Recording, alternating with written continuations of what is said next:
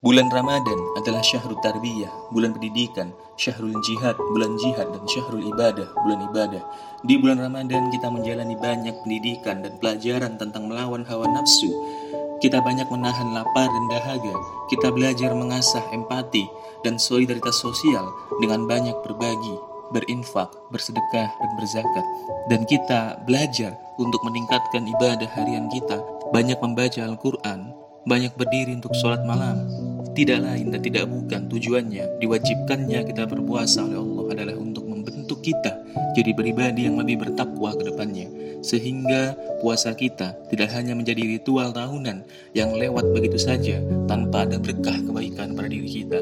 Inilah tujuan utama kita ditempa di bulan yang mulia ini. Semoga hal baik yang kita upayakan di bulan Ramadan ini dilancarkan dan diterima dengan kategori baik oleh Allah Subhanahu wa taala. Amin.